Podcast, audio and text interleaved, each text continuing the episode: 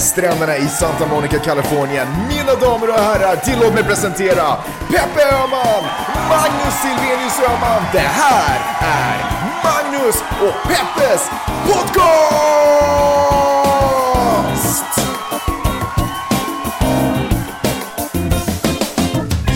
Hjärtligt välkomna ska ni vara till Magnus och Peppes podcast. Podcasten som görs av dig Magnus och mig Peppe. Den här podcasten handlar om feminism, antirasism, mediekritik och uh, egentligen vad som helst som händer utanför och i Los Angeles. Magnus, hur mår du den här söndag förmiddagen? Först måste jag säga tack Peppe för att jag får vara med eh, i den här showen som du har. Eh, och jag mår, vad var frågan? Jag mår bra. Ja. Du frågar hur jag mår. Ja, jag mår faktiskt superbra. Jag har kommit in i livet. Jag hade någon form av depression när jag kom tillbaka från Stockholm. Ja, det var lite nära faktiskt. Ja, tillbaka till LA. Det kändes, eh, det kändes inte rätt. Jag hade haft en sån fantastisk tid i Stockholm. Eh, jag känner att jag nu har kommit över den, ur den depressionen. Och nu ser framtiden återigen ljus ut. För jag kände samma sak när jag kom hem. Jag tänkte varför bor vi inte i Stockholm? Tänk så mycket pengar vi ska ha över och tänk så många roliga vänner som bor där och så mycket snygga kläder det finns där. Mm. Men eh, sen såg jag en bild som någon la upp på sin blogg som var tagen typ i januari. I, var det så här, vad var det för, varför, I Åbo. Varför sätter man upp en bild från januari nu? Nej, jag vet, det, det är ju bara för att vara taskig mot folk. Hänvisning till någonting. Och vänta bara, vänta ja. bara. och då kände jag, ah, nu är det okej okay att bo i LA ändå. Mm. En grej som, som jag märkte, som blev lite, nästan lite avgörande för mig där, ish, någonstans i slutskedet av min depression, var att eh, jag tog bilen och åkte iväg mot Malibu, parkerade den vid vattnet, satte mig på en klippa och tittade ut över havet och kände, alltså havet Peppe, havet is the shit. Alltså det är så... Åtminstone Östersjön, för där släpper ju alla kryssningsfartyg ut. ut. Ut, ut med allt bajs. Ja. men nej men alltså det, vilken, eh, vilken effekt havet har på mig. Jag kommer ihåg, jag erinrade mig faktiskt då någonstans när jag satt och kände hur all frustration förlöstes, eller inte frustration men en form av... Du kan säga att du bara var sur på mig. Nej men fast jag var inte det. Jag tror att det kom, tog sig uttryck på det sättet den dagen. Men jag var, jag var, gick igenom någon form av flytta tillbaka depression.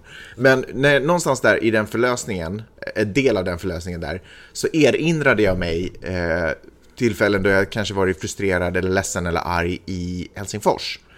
Eh, och försökt göra samma sak, gå ut, sätta mig någonstans och bara insupa naturen och bara inte det har liksom inte hjälpt, det har inte räckt. Det finns, snarare så har jag bara känt mig ännu mer försluten i det där borta.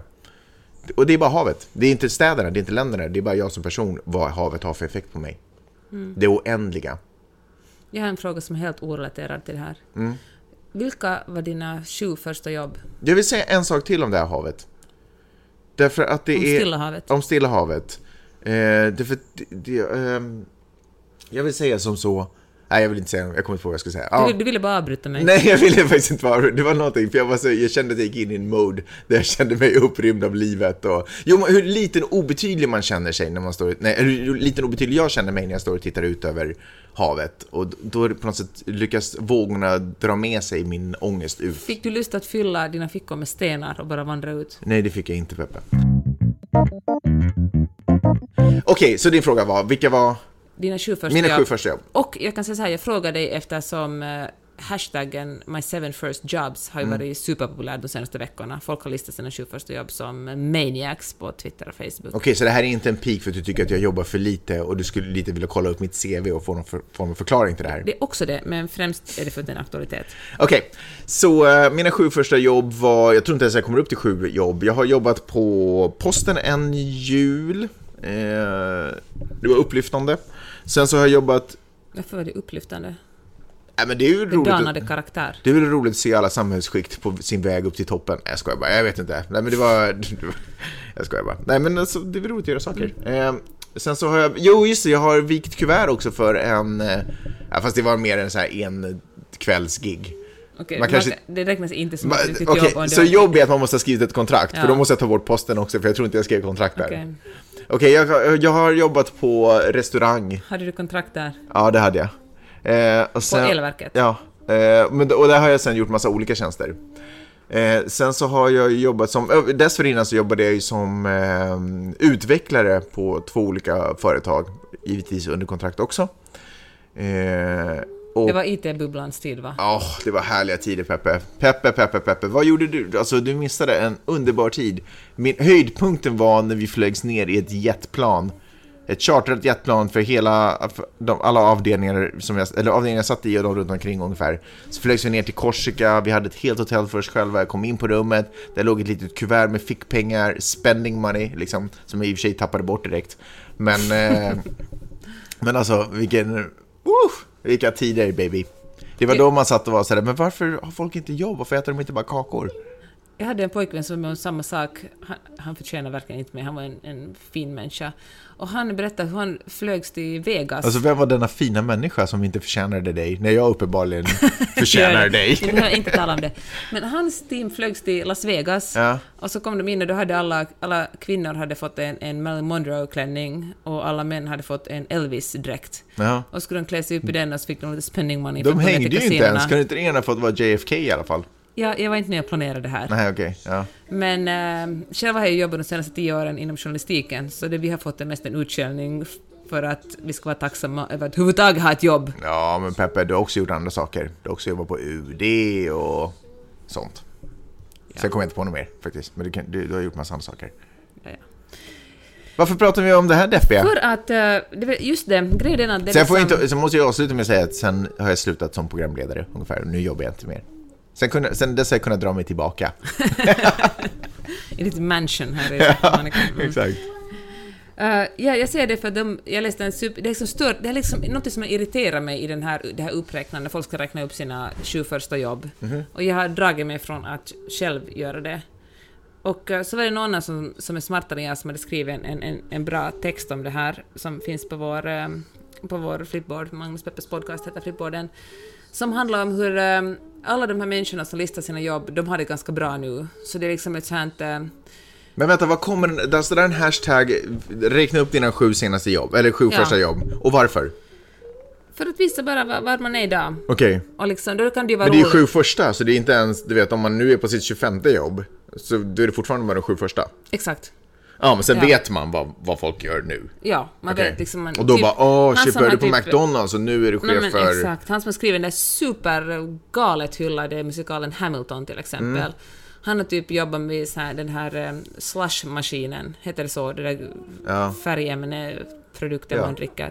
Och det kan ju vara lite rolig kuriosa, men de flesta av de som listar sina jobb är ganska framgångsrika människor idag. De Ja. är liksom har framgångsrika företag eller är liksom programledare eller marknadsföringschefer eller liksom det, de är liksom, har bra medelklass eller högre jobb. Ja. Det finns få som listar sina sju första jobb som idag är liksom diskare eller arbetslösa eller liksom poolpojkar och flickor. Men jag fattar inte riktigt poängen, för de sju första jobben inträffar ju oftast i en ganska tidig ålder.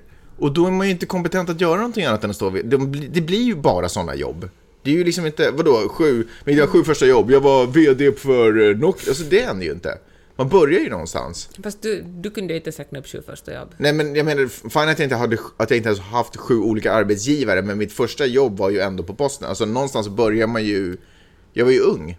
Men ändå blir det någon slags här självgott uppräknande att kolla var jag är idag liksom. Eller kolla, jag som är så framgångsrik jag, jag har, idag, jag har också haft sådana här så att säga lågstatusjobb. Men vänta, varför är det dåligt? För att, det, för att det matar den här amerikanska drömmen, det, det börjar i USA den här hashtaggen, och det Ja. matar den här amerikanska drömmen som egentligen inte existerar. Som säger att kolla, du kan vara vem som helst, du kan ha vilket skitjobb som helst och ändå bli liksom Mark Zuckerberg, liksom, kolla på det här.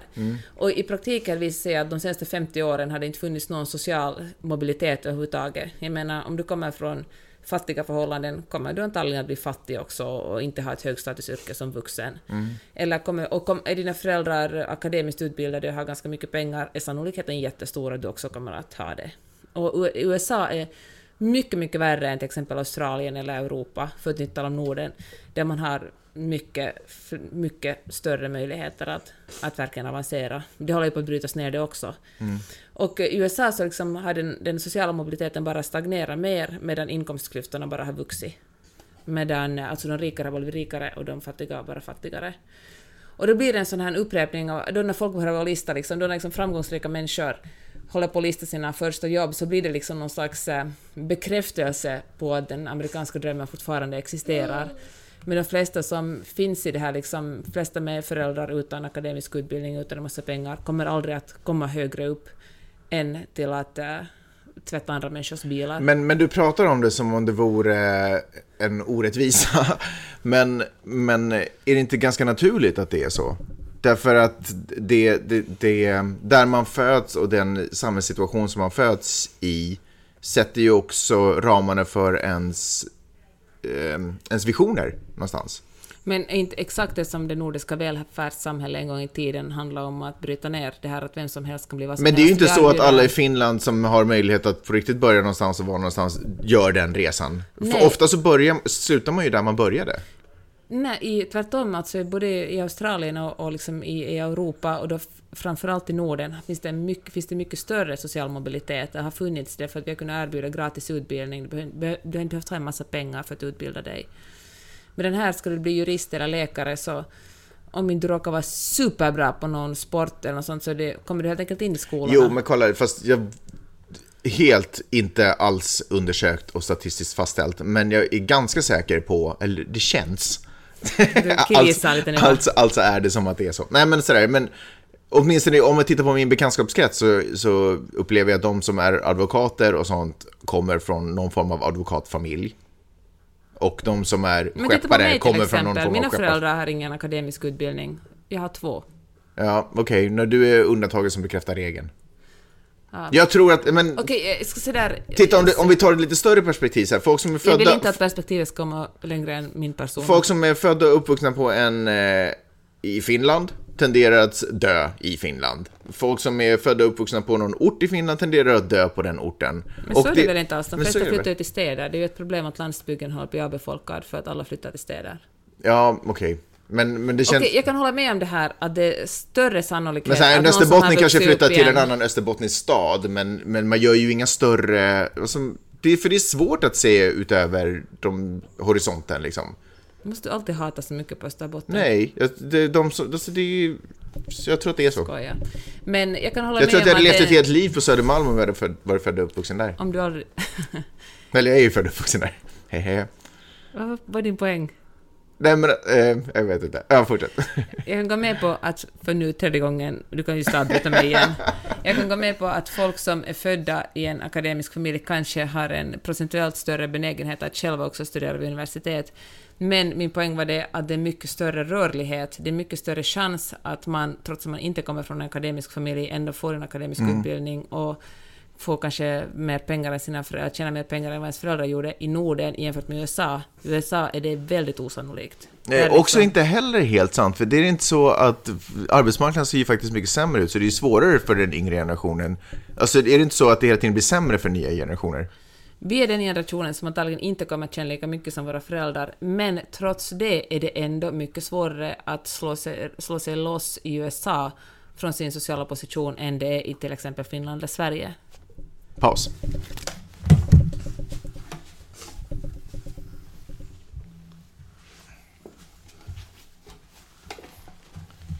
Så att inte allt far hocka. Hokan. Hockan. Vidare.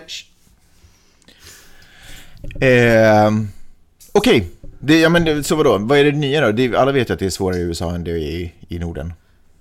Nej, det nya är bara det att när man gör den här hashtaggen My First Seven Jobs så kan man kanske fundera på var man, om man råkar vara amerikan och lyssna på det här, så kan man kanske fundera på varifrån man kommer och var man är idag och kanske fundera över varför det är jättefå människor som är liksom, som inte har någorlunda högstatusjobb eller åtminstone medelklassstatusjobb som lägger ut de här listorna, utan det är alltid lite sådär Ja, kolla, jag började med att bara barnvakta och eh, uh, jobba på McDonalds och idag är jag marknadsföringschef här eller där.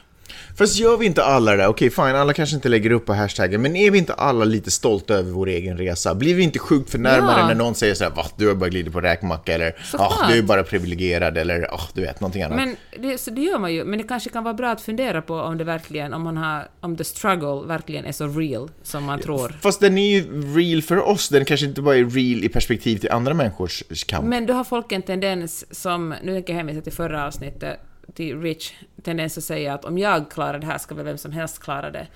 Och man bara, mm, men... Fast han sa att man, det är inte rättvist, inte ska, men alla har potentiellt möjlighet att klara det. Ja, men det är inte sant. Det finns jävligt Fast det många är sant, det är Nej. bara vägen är annorlunda. Okej, om man har ett, ett oändligt antal apor med ett oändligt antal Nej. skrivmaskiner, kommer de att skriva Nej, en det är inte samma... Macbeth liksom? Orättvis jämförelse faktiskt. Du behöver inte hetsa upp dig, det är en orättvis Tala jämförelse. inte med sådär nedlåtande. Så här är det nu, kvinna. Du behöver inte hetsa upp dig. Nej men lyssna, Nej, men seriöst, alltså Och det ska inte vara i den här podden. Nej, men vet du- upp mig ibland. Det här tänkte jag faktiskt på förra gången när vi pratade om det också. Eller helt ärligt, förra gången jag lyssnade på vårt senaste avsnitt så tänkte jag på det här, vill jag också säga. Och det är att det verkar finnas någon tro om att allas väg till målet, som inte ens är gemensamt för allihopa, att, det, att den ska vara, att alla ska ha samma väg.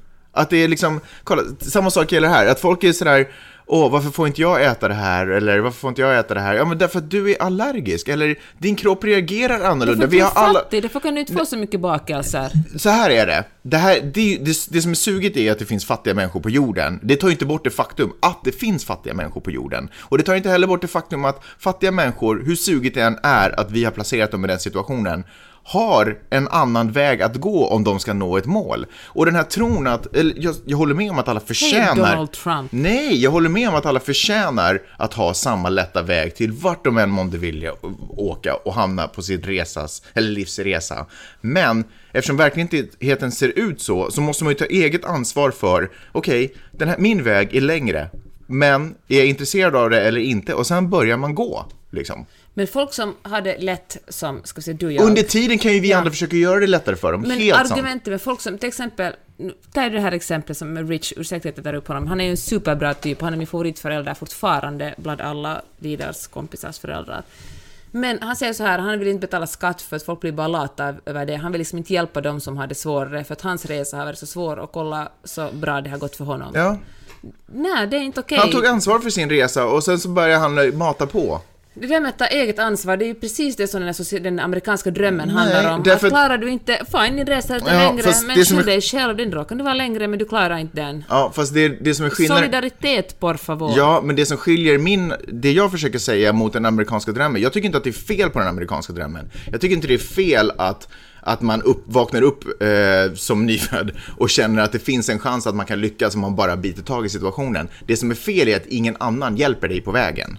Det är ju problemet. Jag, upp, jag uppmuntrar ett system där man, inser sina, man ser sina möjligheter, man ser sin kapacitet, man drar mot det, den vägen, eller det målet man är på väg till och andra hjälper dig på vägen. Men man kan ju börja med att hjälpa lite tidigare så att det inte ska Ja, behöva sådana enorma inkomstklyftor som det, är- finns i det här men landet. det är ju ingenting som vi säger i den här podden som kommer eliminera fattigdomen på jorden. Det är ju bara att så här är det ju nu. Men frågan är... Vadå så här men, är det? men det, är frågan klart, är... klart man måste kämpa för att betala Kolla, mer men- skatt och ta hand om varandra, Jo. vara solidar, solidariska. Jo, inte men- vara så att om du tror tillräckligt mycket kommer det nog att bli någonting av dig. Det är Ja, fucking men i bullshit, det är ju den där stora lögnen. Det är ju exakt det som Ja, den men amerikanska... nej, fast- Kan vi kalla den här podcasten Ja, men den Peppe. amerikanska lögnen istället för den amerikanska drö... Peppe, Peppe, Peppe, Peppe, Peppe. Medans vi håller på att jobba på att betala högre skatter, så, ska de andra som är, som, har, som är mindre lyckosamma än vi är, ska de sitta och vänta på att det problemet är löst innan de börjar uppfylla sina egna drömmar? Ska det vara en ursäkt för människor? Ska det, vi har ju inte fått allting som vi har bett om hela, själva. Ska vi sitta hemma på vår kammare och vänta på att nej men, eh, jag väntar tills det här är gratis eller tills allt det här är fixat för mig. Vi har vår väg. Det finns de som är mycket mer, eh, som har mycket mer pengar, som har mycket lättare väg till att nå vilka Men positioner de än Förstår vill. du inte att det inte funkar? Alltså det går inte. Jo, den, amerikanska det går drömmen existerar. Det, för någon enstaka, för undantaget som bekräftar regeln. Den existerar inte för de allra flesta. Man kan inte säga sådär, men om du sant. tror tillräckligt mycket, om du jobbar tillräckligt mycket, det är fucking bullshit om Nej. att du ska jobba tillräckligt mycket. Du kommer inte loss därifrån ditt skikt. Det stämmer inte. Det stämmer Nej, visst. jag tror att det där är väldigt mycket inte eh, i ens eget huvud, vad man, vad man tror att man Nej, är kapabel läs att en göra. kurs på fucking sociologi då. Hehehe. vad försöker du säga? Att du bara killgissar. men- nej. Du har ju ändå studerat det här. Ja, men, vad, vad, ja, men jag, jag tror att, okej, fine. Fine om du säger att det är så. Kom, jag vill slå men vet, akademiska men vet du vad du säger? Det betyder att du säger att vissa människor är bara dömda. Ni kan egentligen, som det är nu, ni kan bara lägga er ner och dö, för ni är ändå dömda att Det har aldrig jag aldrig sagt. Men vad är, vad är alternativet säger- då, om de inte har någon chans? Vad är altern... varför, ska de, varför ska de De springa ska, runt gå, på den här jorden? de ska gå upp på barrikaderna och kräva rättvisa. Vad tror du inte de har gjort det nu då? Nej. Sen tycker de borde 60-talet det. ish. Fortsätt göra det då. Kuva er inte, fortsätt göra det, kräv rättvisa. Och vi som har det mycket lättare och privilegierade, fan vi måste stå på deras sida. Det är inte liksom deras kamp, det är vår allas kamp. Att jämna ut inkomstklyftorna, göra det bättre för alla. Okej, så du dömer dem egentligen bara till Du- ett liv att hålla på och kämpa för sina egna rättigheter, inte försöka uppfylla sina egna drömmar? Det är ju ett sätt att uppfylla sina egna drömmar, Nej, att det är uppfylla det väl sina barns inte? drömmar. Vad, du, vad, du, sitta och du- argumentation det- med dig, tror du att det är ett sätt att uppfylla mina egna drömmar? Det som du vill göra är att skicka en inspirational speaker till Compton Nej. och vara sådär, lyssna på den här, vem som helst kan uppnå vad som helst. Nej, det stämmer inte. Ja, det känns inte som att vi kommer så hemskt mycket längre i det där. Du verkar inte riktigt... Men jag tror att lyssnarna är ganska överens med mig ändå, så det spelar inte så stor roll. Burkini, vad tycker du om det? Vänta, får jag bara säga en sak till? För jag är faktiskt inte riktigt klar med det där. Alltså det är det vanligaste du säger i den här podcasten. Så fort jag försöker byta ämne så är det så här, men vänta, får jag bara säga en sak till? Jag vill bara säga en sak till om det där. Och det är, för jag, jag skulle dra liknelsen med till exempel hur folk tränar och sådär. Folk är så väldigt måna om att ha eh, råd av eh, OS-experter på, ja men så här håller du ner din vikt och så här bygger du muskelmassa och alltihopa. Och så, så testar man på det i några veckor eller några månader och så bara, ja men det här funkar inte. Ingen sätter sig ner och funderar på, men vänta, hur är min kropp? Hur fungerar min kropp? Hur min, vilken form av träning är min kropp lämpad? Alltså, jag tror att vi liksom jag fattar att vi tänker det här kollektiva och att vi försöker generalisera och se, men vi är fortfarande alla individer som har våra egna möjligheter att göra någonting. Om vi bara ser vår egen, hur vår egen kropp, och vårt eget liv är tweakat. Jag låter det där stå alldeles för sig själv, du din gamla republikan. I Cannes och allt fler franska strandstäder har man förbjudit burkinin för att det går då tydligen inom citationstecken mot sedlighet och uh, god smak och för att det är ohygieniskt att, uh, som en borgmästare från en städernas stad, det är ohygieniskt att bada i uh, helklädd. Och det här är ju Va? ironiskt på många sätt eftersom... Har folk inte, är, bara, är det bara bikini som gäller på de här ställena och inte liksom baddräkter? Jag vet inte, men Okej. alltså Medelhavet har väl samma problem som Östersjön med att kryssningsfartyg släpper ut Det är rätt ohygieniskt sina- vatten överhuvudtaget. Ja. bajs i det. Ja. det liksom, men på, liksom, i Frankrike finns det ju en... en eh, han har stiftade för några år sedan en lag som säger att man inte får, eh, man får inte gå liksom med stora religiösa symboler. Så det finns, det råder, slöjförbud och det går, råder man får liksom inte jobba på ett ministerium och gå med ett jättestort eh, kors kring Okej. halsen till exempel. Men, men, liksom, eh, men, nu, men det är okej ändå, det som är liksom ironiskt är att det är okej att, att till exempel simma i dykdräkt. Men det är inte okej att för en kvinna att ha en burkini på sig. Okej. Undrar hur det är för de här strandraggarna som har stora tatuerade krucifix på ryggen. Eller på armarna. Om det är osedligt också. Man måste göra sådär som i Sons of Anarchy och bara tatuera en svart ruta över dem ifall man vill hänga på stranden. Ja. Men, eh, men så, det, så det har folk sagt att man kan gömma en, en bomb under den här burkan, burkinin alltså. Och eh, det är ju liksom... Ja, jag, kan, jag håller med om att burka är vidrigt alltså. Att gömma kvinnor under enorma liksom lakan och bara ha ett litet nät framför ögonen på dem, vilket gör att det är svårt för dem att se, det är svårt för dem att gå, det är svettigt. Och, men en uh, burkini är ju liksom en, en dräkt som, som möj, möjliggör det för kvinnor att överhuvudtaget vistas på stranden. För, vi, för liksom, vissa muslimska kvinnor vars tro inte... Liksom, deras religiösa övertygelse tyck, tycker inte de ska vara i bikini där. Så deras lösning blir att, att klä sig i en burkini. Och, ehm, och det här sprider sig. Till I Tyskland börjar man också tala om att, att förbjuda den här burkinin. Och då tänker jag så här att fan, det är nog jobbigt att vara kvinna för liksom... Hur du än gör är du fel. Har du liksom en liten, gör du fel. Har du en liten bikini är du en slampa. Har du liksom en, en burkini gör du också fel, då blir du också förbjuden. Det är liksom ständigt den här kontrollen över kvinnors kroppar och vad kvinnor ska ha på sig och vad som är inom citationstecken god smak. Fuck you god smak, säger jag. Det är liksom... Fan vilken vidrig tid vi lever i. På många platser så uppfattas det inte heller som god smak att amma sitt barn. Nej, det är ju också... Alltså offentligt, liksom. Det ska ske i det mörka, i skymundan och Ja, liksom- intäckt ja. i ett tält helst. Men jag tycker det Fast går, det inte går ju från, en burka. Nej, det går ju verkligen hand i hand med det här. Det handlar ju också om en kontroll över kvinnors kroppar. Kvinnors kroppar är liksom så jävla laddade liksom. Det är inte bara en kropp av kött och blod som ska ta hand om en människa och låta den liksom leva, utan det har, den bara symboliserar tusen saker. Den symboliserar sex, den symboliserar frestelse, den symboliserar liksom uh, synd den, och det ena och det andra. Det är liksom inte bara en kropp. Mannens kropp är ju alltid bara en kropp. Mm.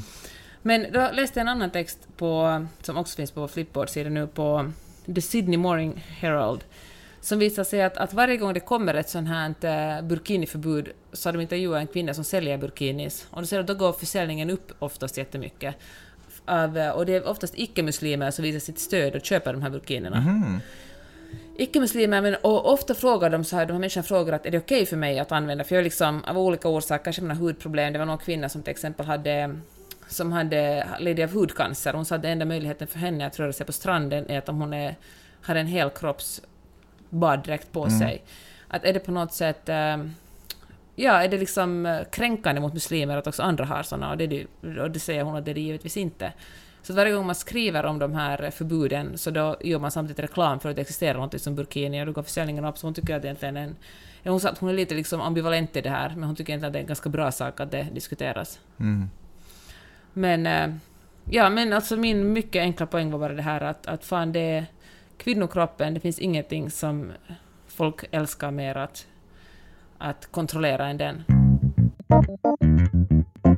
Jag ska vara med i Nyhetsmorgon, Peppe. Vad säger du om det? Roligt! Mm. Den här gången så får jag faktiskt vara framför kameran, även fast det är min egen datorkamera, för jag är med via Skype. Men eh, det brinner ju som tusan här i... Jag höll på att säga Los Angeles, men det är inte ens Los Angeles, det är San Bernardino som är nordost om, eh, om LA. Eh, och då ska de uppmärksamma det här i Nyhetsmorgon och så vill de ha någon lokal på plats. Och det råkar vara du! Nyhetsmorgons utsände. Nej, men jag kommer inte vara så, utan jag kommer vara titulerad journalist, fick jag höra här nu på morgonen. Oh, journalister som intervjuar journalister. Ja. Men kanske du är där liksom, men om du är utsänd, då är du kanske berättigat. Då är du deras journalist, då är du liksom inte ett vittne. Ja, jag vet inte. Skit, det spelar inte så stor roll. Jag tycker bara att det är kul att vara med. Vad ska du säga då? Skit i det. Jag tänker att det här är första steget på att få vara...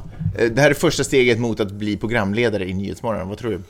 Men jag trodde att du ville vara redaktör, att du hade lämnat dina nyhets... Jag ville vara det i sommar, men jag är öppen för att nya saker ska ske.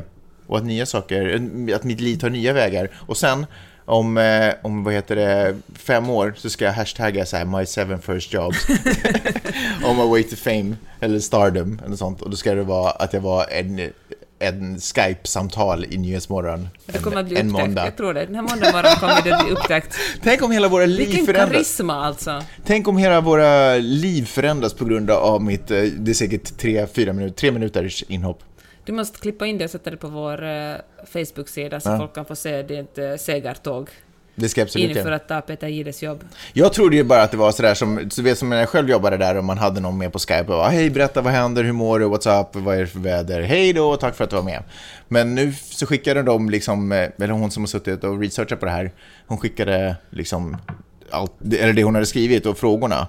Och jag måste ju typ vara insatt i det här så att jag, så att jag pluggar på om, om branden. Men så är det någonting du vill någonting? veta om branden? Berätta, hur farligt är det för oss som bor här i Santa Monica? Nej, vi, vi har det ganska bra. Eh, dessutom har vi ju jättemycket vatten här så att vi är ju safe från bränder på så ja, sätt. Vi har ju liksom föräldrar som är...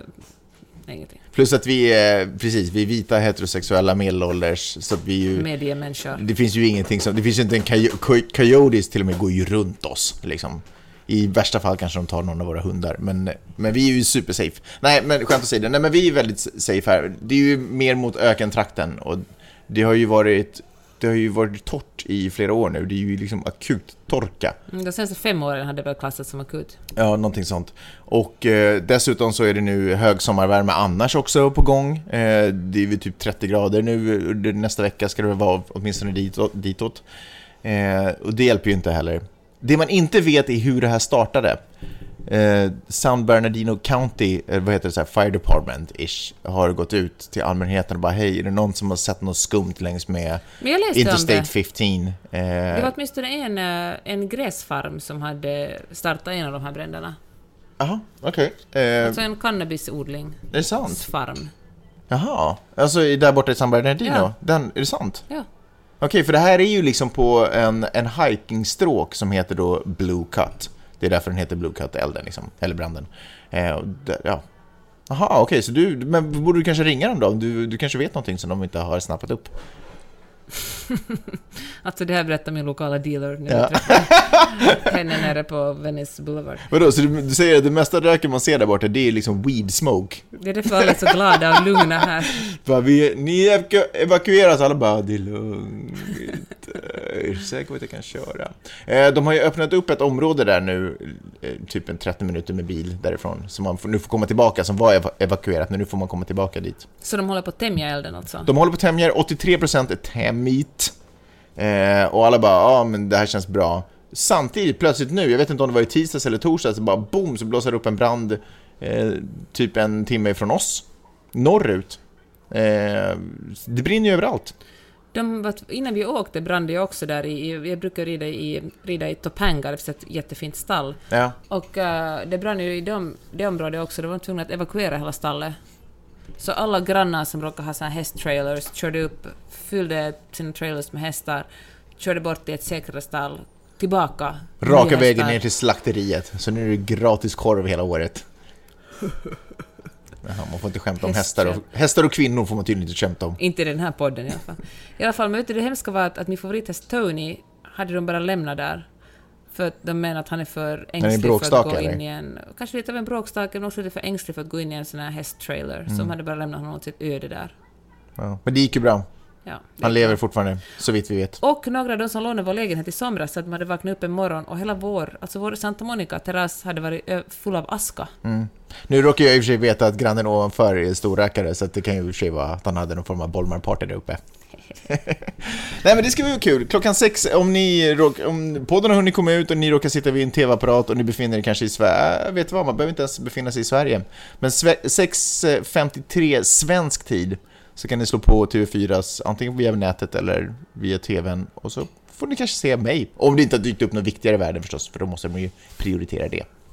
Hör du, när vi ändå håller på eh, med självskryt här, så det ska bli en andra Vadå upplaga. självskryt? Men det är bara... Du, woo, vi ska vara med i Nyhetsmorgon, jag är känd nu. En andra upplaga... Så finsk attityd att man inte får lyfta sin Nej, egen men svans. herregud, kan jag snälla få tala till punkt i en endaste mening i den här podcasten? Det ska bli en andra upplaga av min bok Livet och patriarkatet.